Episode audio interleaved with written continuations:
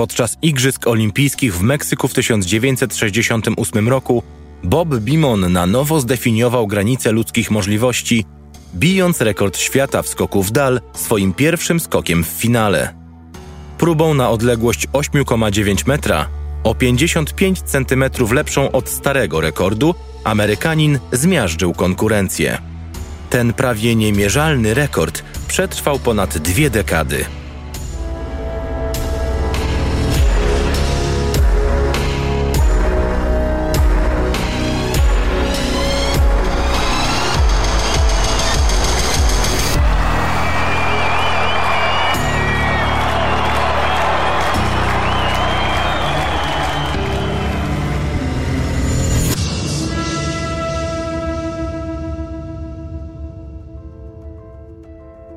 Witajcie. Zapraszamy do wysłuchania wyjątkowych olimpijskich historii.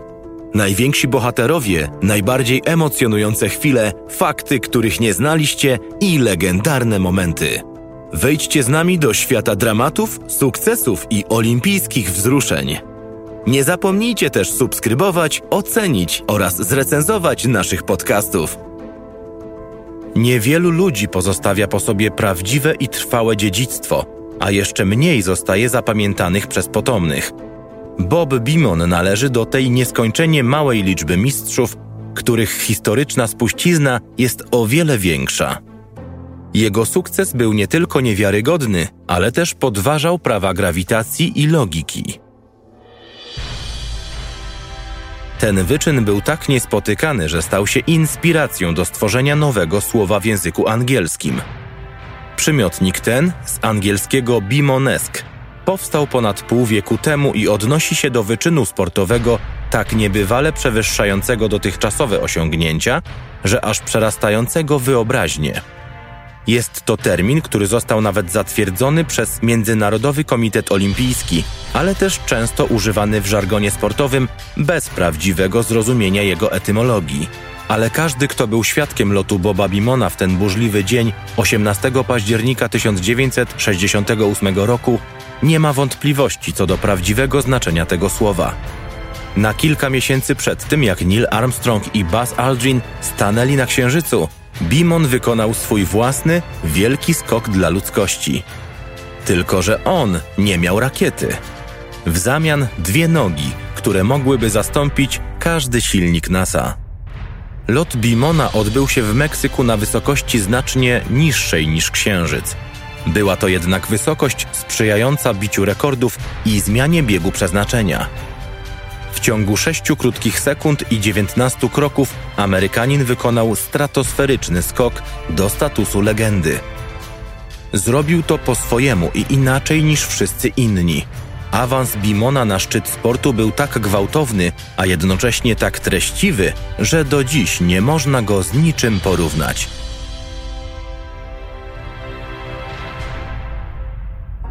Na Igrzyskach Olimpijskich w Meksyku Bimon nie tylko wygrał konkurs życia. Przede wszystkim stał się jedyną w swoim rodzaju legendą jednym skokiem. Startując, szybując w przestworzach i lądując praktycznie w innym stuleciu. Do dziś jego 8,9 metra, oddane tego elektryzującego popołudnia, pozostaje drugim najdłuższym skokiem w historii. Tylko Mike Powell pod koniec kolejnego upojnego wieczoru wylądował dalej. 30 sierpnia 1991 roku w Tokio Powell i Amerykanin Carl Lewis rozegrali porywający pojedynek. To był ten sam potężny Lewis, który od dekady gonił rekord Bimona. Nigdy nie był bliżej niż w chwili, gdy Powell zabrał mu go sprzed nosa.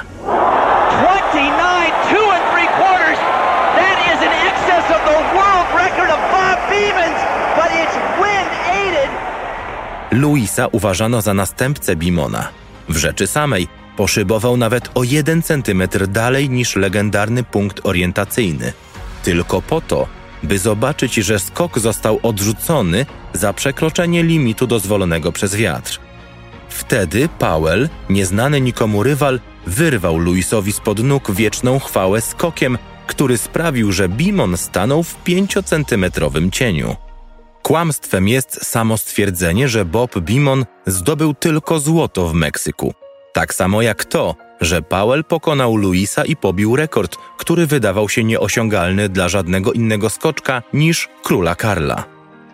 Pomimo gwiazdorskiego składu w Meksyku, w którym znajdowali się dwaj współrekordziści świata, Ralph Boston i Igor Ter Ovanesian, 8,35 metra, a także dwaj poprzedni złoci medaliści olimpijscy w osobach Lina Davisa i Bostona właśnie, młody, zaledwie 22-letni Bimon wyglądał na prawdziwego faworyta. Jego wyniki z 1968 roku uzasadniały ten status. Bimon wygrał 22 z 23 zawodów, w których brał udział. Perspektywa pobicia przez niego rekordu świata również nie była tak odległa. Od początku lat 60.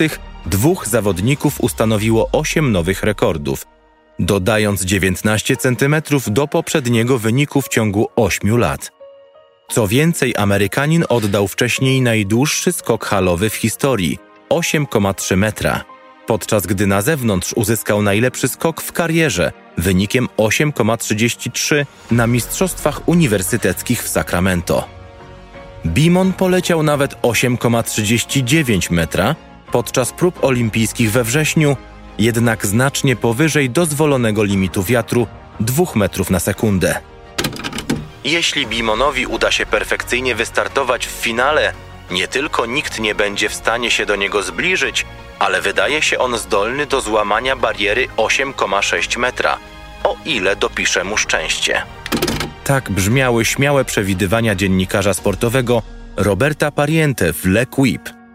Ale jeśli miał rację pod tym względem, że nikt nie był w stanie się do niego zbliżyć, to również nie docenił w znaczący sposób możliwości Bimona.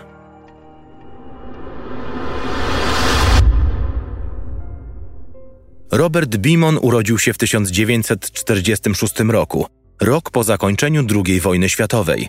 Znakiem rozpoznawczym jego pokolenia stał się rok 1968. Heroiczny, dramatyczny i bez wątpienia najbardziej fascynujący w drugiej połowie XX wieku.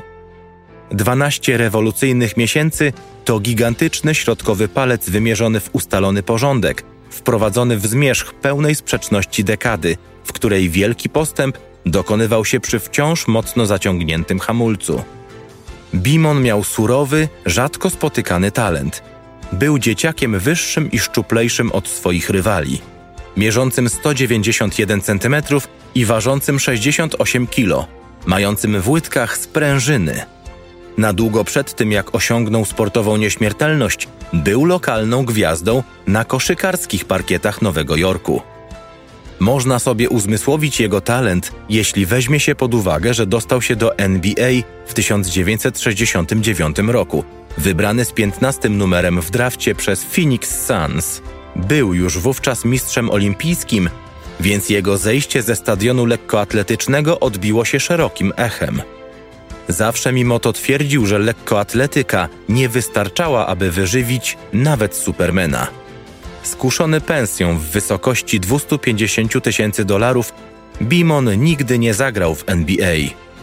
Zawsze jednak wolał rzucać do kosza zamiast skakać. Stwierdził nawet kiedyś, że mógłby skoczyć ponad 10,6, gdyby kochał bieżnie tak samo jak koszykarski parkiet.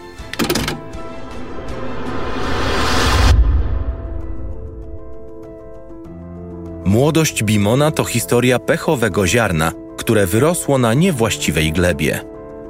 Młody Bob nigdy nie poznał swojej matki, ponieważ zmarła na gruźlicę na długo przed tym, jak był wystarczająco duży, by ją pamiętać.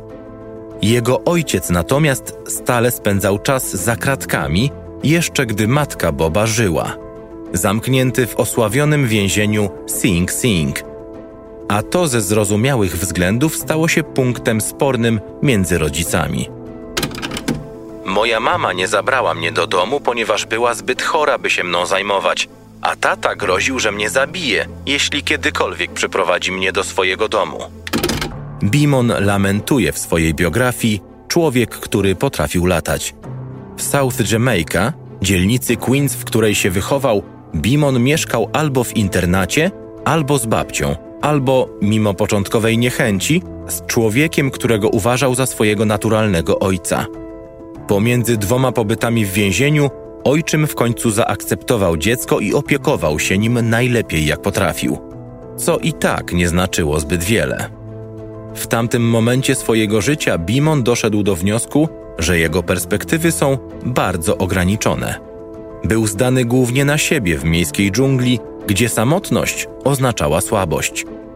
W tym nieprzyjaznym środowisku gra w koszykówkę przyniosła mu ulgę. Jeśli jeszcze nie skakał daleko, to już skakał wysoko. Większe dzieci to uwielbiały. Bimon regularnie był wybierany do gry w ich drużynach, co dawało mu poczucie przynależności, którego tak brakowało mu w innych dziedzinach życia. Koszykówka to wielka rzecz w Nowym Jorku, wyjaśnił później.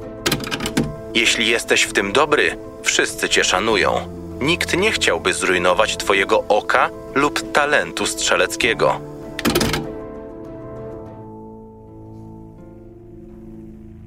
Chcąc mieć poważanie na osiedlu, Bimon wpadł w złe towarzystwo. Dołączyłem do gangu.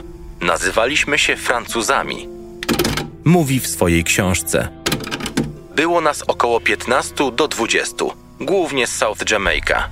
Przeważnie w wieku od 12 do 15 lat. Walczyliśmy za pomocą ręcznie robionych pistoletów, łańcuchów i noży. Pewnego dnia widziałem, jak chłopiec został zabity szpikulcem do lodu. To miała być tylko walka na pięści. Palił, pił wino, może stąd nazwa jego gangu, a nawet sprzedawał narkotyki. Zdawał sobie przy tym sprawę z niebezpieczeństwa. Kiedy dorastałem, widziałem chłopaków w moim wieku, którzy padali jak muchy od przedawkowania narkotyków, przyjętych kul lub zsyłki do więzienia. Pamiętam, że powiedziałem sobie, że nie chcę być taki jak oni. Przemiana nadeszła w dniu, w którym Bimon został aresztowany za morderstwo, tylko dlatego, że wyglądał jak domniemany zabójca. Na szczęście policja szybko znalazła prawdziwego sprawcę. Jeśli dla Bimona był to sygnał ostrzegawczy, to na pożądany efekt trzeba było jeszcze poczekać, ponieważ po powrocie na ulicę zyskał rozgłos. Chłopcy uważali mnie za jakiegoś bohatera tylko dlatego, że trafiłem do aresztu i byłem podejrzany o morderstwo. To była wielka sprawa.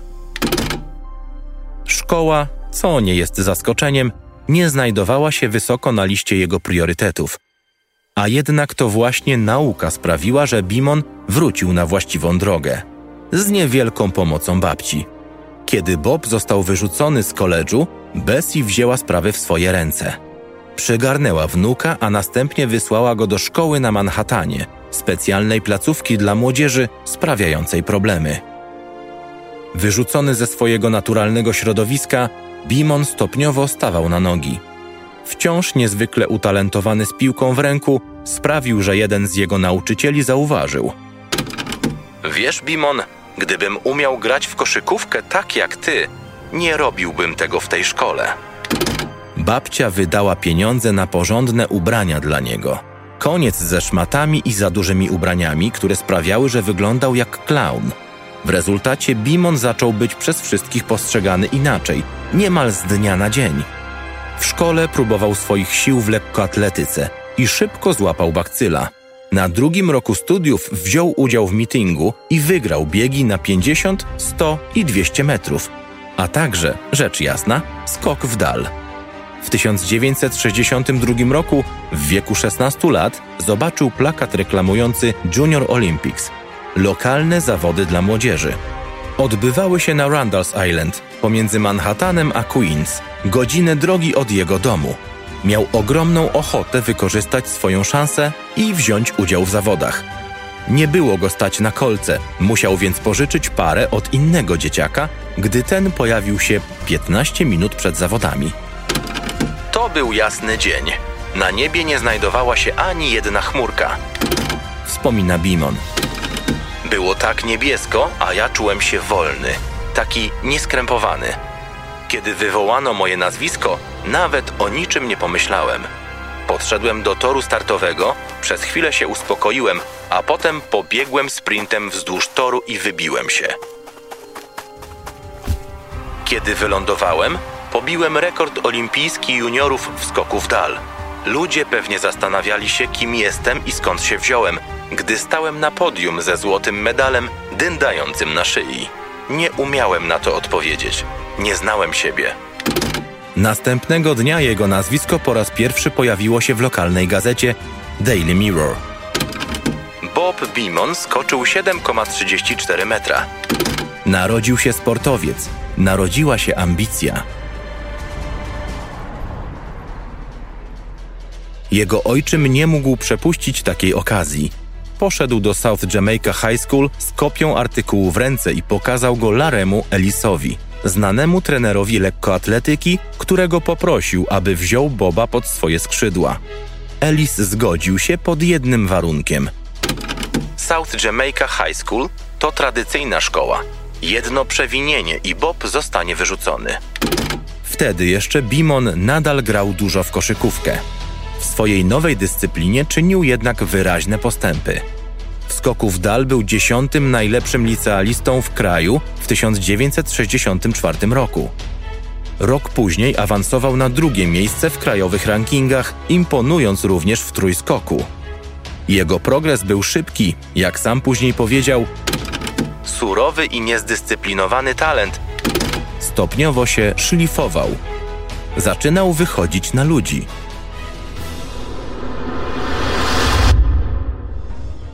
Życie Bimona nagle wymknęło się spod kontroli.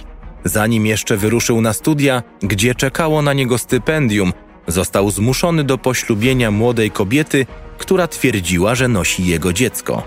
Nie tylko ówczesne zwyczaje nakazywały mu postąpić honorowo, ale, co chyba ważniejsze, nalegała na to jego babka.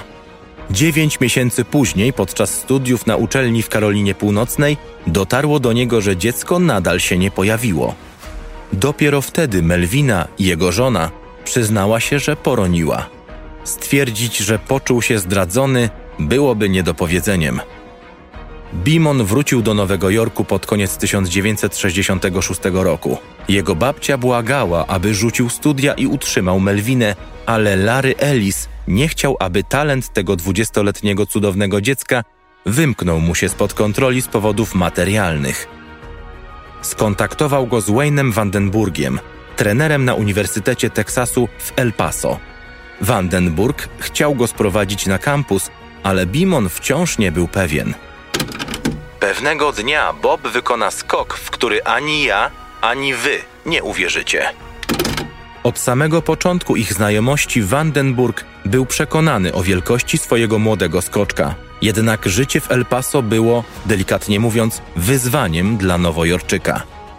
Na uniwersytecie znajdowało się 10 tysięcy studentów i tylko 250 z nich było czarnych.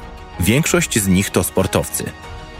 Gdy w Detroit rosło napięcie podczas długiego, gorącego lata 1967 roku, 1967 roku świadomość polityczna Bimona rosła podczas uczęszczania do tej w przeważającej mierze białej i dyskryminującej instytucji. Four days of rioting, looting and arson rocked the city of Detroit in the worst outbreak of urban racial violence this year. Entire blocks of homes become infernos. At least 36 are killed, more than 2,000 injured, and damage topped the half billion mark. Być może Bimon miał oczy skierowane na Meksyk, ale nie miał też na nich klapek. Zdawał sobie sprawę, że Ameryka została podzielona na dwie części w kwestii mniejszości etnicznych. Stany Zjednoczone przyjęły za prezydentury Lyndona Johnsona ustawę o prawach obywatelskich i prawnie wsparły sprawę czarnych. Ale między literą a duchem prawa istniała ogromna przepaść. Człowiek, który skakał dalej niż ktokolwiek inny w historii, był dzieckiem segregacji, tej samej, z którą Martin Luther King walczył przez ponad dekadę. King stracił życie walcząc w tej sprawie, zamordowany przez Jamesa Earla Reya przed motelem Lorraine w Memphis 4 kwietnia 1968 roku. To wtedy Bob Beamon powiedział sobie, że nadszedł czas, aby uderzyć pięścią w stół. W weekend wielkanocny tego samego roku Uniwersytet Teksański rywalizował z Brigham Young University w mitingu lekkoatletycznym – Brigham Young University był mormońską instytucją z, delikatnie mówiąc, zauważalnie poniżającą polityką wobec Afroamerykanów. Było to 8 kwietnia 1968 roku, dzień przed pogrzebem Kinga, kiedy dziewięciu członków zespołu lekkoatletycznego UTE, doskonale w tym wiedzieli, Bimon, zwołało spotkanie z trenerem Vandenburgiem. Powiedzieli mu, że zamierzają zbojkotować meeting. Ich powód był dość prosty. Księga Mormona głosiła, że czarni ludzie są ziemską reprezentacją diabła. Bimon i jego koledzy doskonale wiedzieli, że igrają z ogniem, ale nie, nie poddali się i drogo zapłacili za swoje czyny. Straciłem stypendium. Wspomina Bimon w swojej książce. Kontynuowałem treningi przed Meksykiem, ale do cholery nie zamierzałem tracić marzeń. Olimpijskich marzeń nie mogłem odłożyć na później. Nie ja. Śmierć Martina Luthera Kinga, a następnie dwa miesiące później Bobiego Kennedy'ego wyzwoliły w nim poczucie pilności. Życie jest zbyt krótkie i zbyt cenne, by się nim przejmować. Napisał później. Jednak bez drużyny i funduszy Bimon był zmuszony przyjąć olimpijczyka Ralfa Bostona jako nieoficjalnego trenera w okresie poprzedzającym igrzyska. Mimo tych wszystkich dramatów pozostał w pełni skupiony. El Paso i Meksyk dzieli wprawdzie międzypaństwowa granica, ale idee swobodnie przez nią przepływają. Stolica Meksyku, w której odbywały się igrzyska XIX Olimpiady Ery Nowożytnej, nie była wolna od problemów tamtych czasów. Impreza w 1968 roku rozpoczęła się zaledwie 10 dni po masakrze w Tlatelolco, w której zginęło ponad 300 nieuzbrojonych demonstrantów, w większości studentów. W garnku wrzało i nie trzeba było wiele, by pokrywka pękła.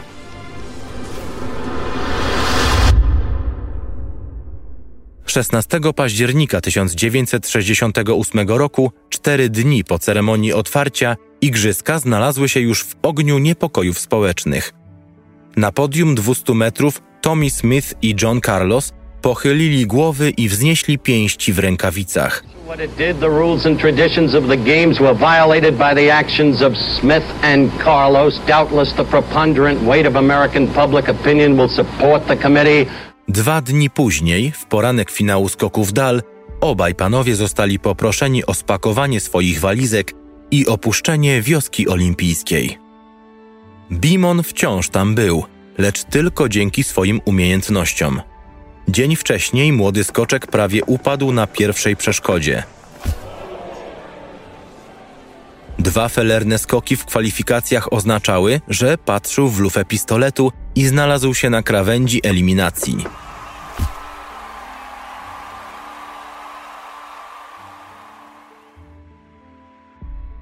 Boston, jego mentor, który zdobył złoto w Rzymie i srebro cztery lata później w Tokio, Wziął Bimona na bok i pomógł mu się zrelaksować. Przy ostatnim zakręceniu kołem fortuny los uśmiechnął się do Bimona. Podobnie jak Jesse Owens w Berlinie, był bliski katastrofy, ale jego trzeci skok wynoszący 8,19 metra wystarczył, aby znalazł się w finale.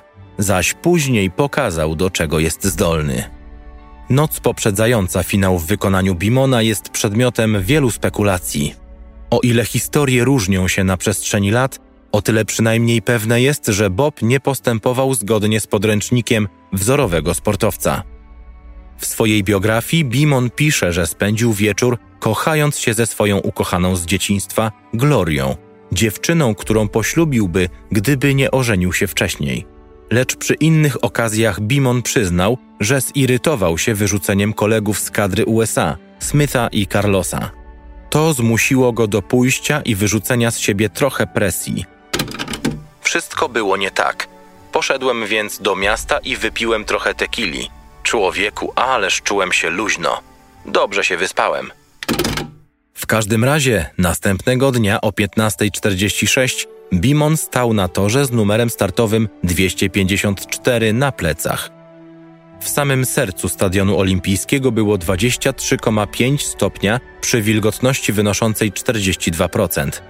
Bimon startował jako czwarty skoczek w finale, w którym występowało 17 zawodników. Warunki nie sprzyjały. pierwsze trzy skoki spalono, a niebo wyraźnie ciemniało. Zbliżała się burza z piorunami. Zastanawialiśmy się, czy będziemy w stanie skakać. Wspominał Francuz Jack Pani kilka lat temu na łamach gazety Quest France, patrząc wstecz na swoje siódme miejsce w finale. Nadciągał deszcz, strasznie wiało z tyłu, nie mieliśmy więc pojęcia, jaki będzie miało to wpływ na tor. Burza rzeczywiście się szykowała, ale zanim niebiosa otworzyły się u góry, grzmoty rozległy się tuż przy ziemi. Bimon stał 40 metrów od piaskownicy i nadużyciem byłoby stwierdzenie, że publiczność patrzyła tylko na niego. W tym samym czasie odbywał się bowiem finał biegu na 400 metrów, który miał dać początek nowemu rekordowi świata, pierwszemu poniżej 44 sekund.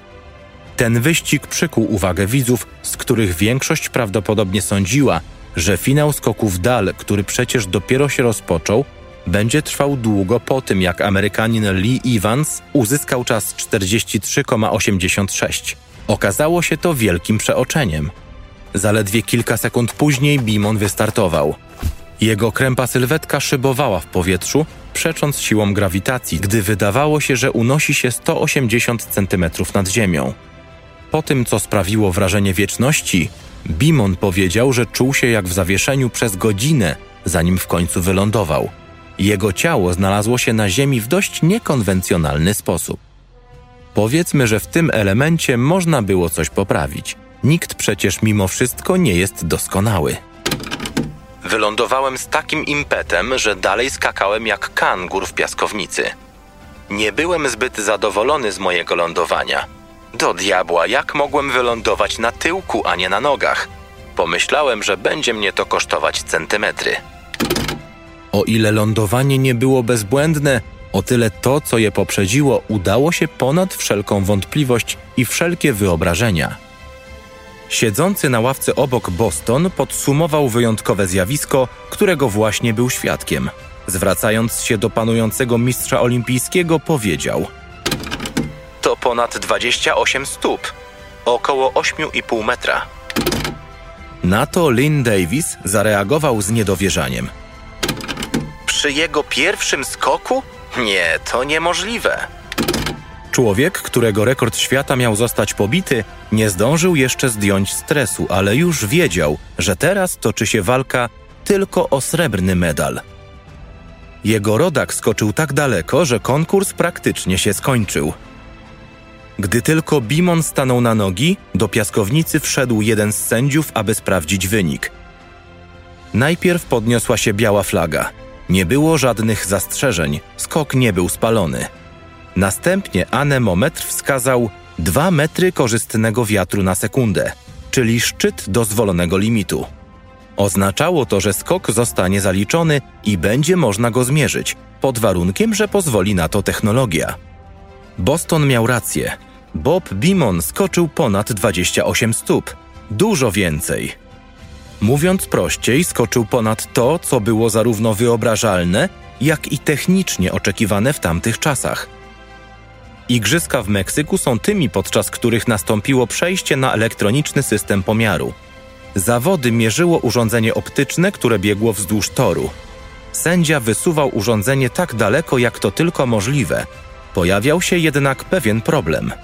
Sędziowie ograniczyli odległość do 8,6 metra. Skok Bimona był i niezwykły, i niemierzalny.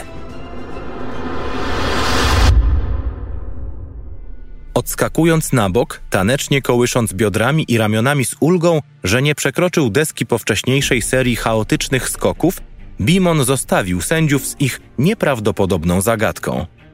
Nie tylko skoczył najdalej, ale także w jakiś sposób udało mu się zatrzymać czas, który wydawał się wiecznością. Po 15 minutach zdecydowano, że sędziowie IAAF będą musieli uciec się do wypróbowanych metod i zmierzyć skok ręcznie.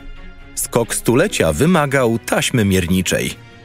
Kiedy speaker w końcu ogłosił odległość skoku 8,9 metra, Bimon, nieobeznany z miarami metrycznymi, wciąż nie zdawał sobie sprawy z tego, co właśnie zrobił.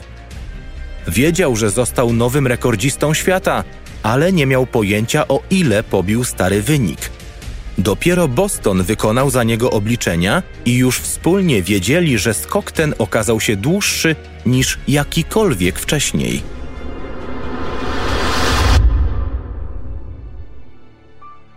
Kiedy Bimon w końcu zdał sobie sprawę z ogromu swojego osiągnięcia, nogi się pod nim ugięły i padł na ziemię. Cierpiał na krótki atak katapleksji spowodowany szokiem emocjonalnym. Z głową w rękach, oparty o Bostona, nowy rekordzista świata przypomniał sobie o własnej nieśmiertelności zaledwie kilka minut po zapisaniu się w historii. W porównaniu z tym skokiem wyglądaliśmy jak dzieci, stwierdził radziecki zawodnik Igor Terovanesyan, prawie dokładnie rok po tym, jak ustanowił poprzedni wspólny rekord świata na tym samym stadionie. Davis, obrońca tytułu, podszedł do swojego następcy i powiedział mu: Zniszczyłeś tę imprezę. Może i tak, ale ten pierwszy skok prawie mnie zabił. Odpowiedział Bimon, gdy już odzyskał zmysły. Symbolicznie burzowe chmury, które zawisły nad Meksykiem, nagle rozlały się na stadionie olimpijskim i zmyły wszelkie szanse na odwrócenie sytuacji. Złoto było już przesądzone, ale Bimon skoczył jeszcze raz, skromne 8,04 metra. Potem odłożył swoje kolce. Warunki pogorszyły się jeszcze bardziej, a mokra bieżnia i hulający wiatr przekreśliły szanse na to, że ktoś dorówna bohaterstwu Bimona.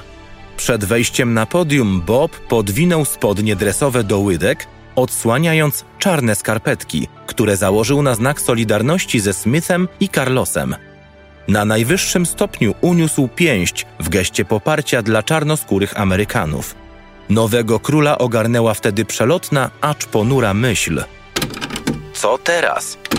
Mistrzowi olimpijskiemu i rekordziście świata nagle zakręciło się w głowie z powodu ogromu swojego osiągnięcia. Wtedy jeszcze nie wiedział, ale prawdopodobnie wyczuwał to w środku. Jego jedyna chwila wielkości była już za nim. Człowiek, który wykonał skok stulecia i pobił rekord świata o 55 centymetrów, nigdy nie zbliżył się do swojego meksykańskiego wyniku. Rzeczywiście, Bimon nigdy nie skoczył dalej niż 8,16 metra po dniu, w którym zatrzymał czas. Kontuzje i pilna potrzeba zarabiania pieniędzy wkrótce pogrążyły Bimona, człowieka zagłuszonego przez wszystko, co działo się wokół niego. Osiągnąłem szczyt, kiedy skończyłem 22 lata. Byłem studentem w koledżu, miałem żonę, próbowałem rywalizować jako sportowiec klasy międzynarodowej. A były to późne lata 60., z przewrotami wśród czarnych i białych, ruchem kobiet, zamachami, klasą średnią odkrywającą narkotyki. To był dziwny czas i trochę się w nim pogubiłem. Powiedział później. Bimon był w szoku, tak samo jak reszta świata. Nic dziwnego, że nie trzeba było długo czekać, aby ludzie zaczęli szukać odpowiedzi na uzasadnione pytania, które się pojawiły. Czy naprawdę możliwe było pobicie rekordu świata z takim marginesem? Wiatr wiał tego dnia bardzo mocno, ale czy naprawdę były to tylko dwa metry na sekundę? Bob przyjął te pytania z ulgą, z wyjątkiem tych, które dotyczyły kwestii rasowych. Zdarzali się naukowcy, którzy analizowali mój skok, wykorzystując prawa fizyki, omawiając innymi prędkość, trajektorię i aerodynamikę. Wyjaśnia w swojej książce.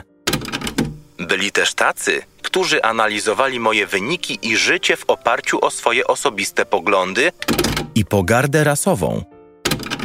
Grali tą kartą, mówiąc, że skoczyłem tak daleko, ponieważ byłem czarny. W końcu mówili, że czarni mają dłuższe nogi, grubsze kostki i że nasza muskulatura jest inna. Dlatego twierdzili, że czarni to dobrzy niewolnicy, silne ciała bez mózgów. Mówili o mnie jako o maszynie do skakania, ale dzięki Bogu nie wszyscy myśleli i nie myślą w ten sposób. Impreza w Meksyku w 1968 roku była wyjątkowa.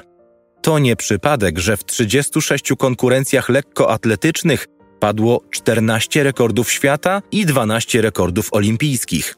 W trójskoku, w zawodach, które również przeszły do historii, aż pięć razy pobito rekord świata. Jim Hines jako pierwszy złamał barierę 10 sekund w biegu na 100 metrów, uzyskując czas 9,95. For the first time, the 10-second barrier has been pierced. James Hines establishes a new Olympic and world mark. Sprinterzy i skoczkowie skorzystali z korzystnych warunków meteorologicznych związanych z położeniem miasta. Na wysokości 2200 metrów nad poziomem morza opór powietrza jest mniejszy. Dodając do tego postęp techniczny, którego ucieleśnieniem było wprowadzenie tartanowych bieżni, otrzymaliśmy wybuchowy i sprzyjający osiągnięciom koktajl. W przypadku Bimona należy dodać, że odnalazł w sobie zmysł do oddania niemal perfekcyjnego skoku tuż przed groźną burzą, która znacznie obniżyła ciśnienie powietrza. Nie ma odpowiedzi na ten występ. Wszystko było po prostu idealne. Tor, mój start, poszybowałem sześć stóp w powietrzu, kiedy zwykle poleciałbym około pięciu. I moja koncentracja też była idealna. Nigdy wcześniej nie zdarzyło mi się to w ten sposób. Wyłączyłem wszystko na świecie z wyjątkiem mojej koncentracji na skoku. Powiedział Bimon New York Timesowi w 1984 roku. Ponad 15 lat później, podczas igrzysk w Los Angeles, kiedy Carl Lewis zdobył złoty medal skokiem, który wciąż był o 34 cm krótszy od rekordu świata, Bimon miał pewność siebie, by powiedzieć: Wszystko, co wiem, to to, że nie widzę nikogo innego, kto by tego dokonał. Ani wtedy, ani nigdy. Od tego czasu odbywały się zawody w Meksyku i w innych miejscach położonych na dużych wysokościach, a rekord wciąż jest w księgach. Tak się złożyło, że 7 lat później na Mistrzostwach Świata w 1991 roku w Tokio Mike Powell pobił 23-letni rekord o 5 cm, kończąc emocjonujący pojedynek z Luisem. Rekord Bimona być może został wymazany z ksiąg, ale wspomnienia po nim pozostały i wykroczyły daleko poza świat sportu, już na zawsze.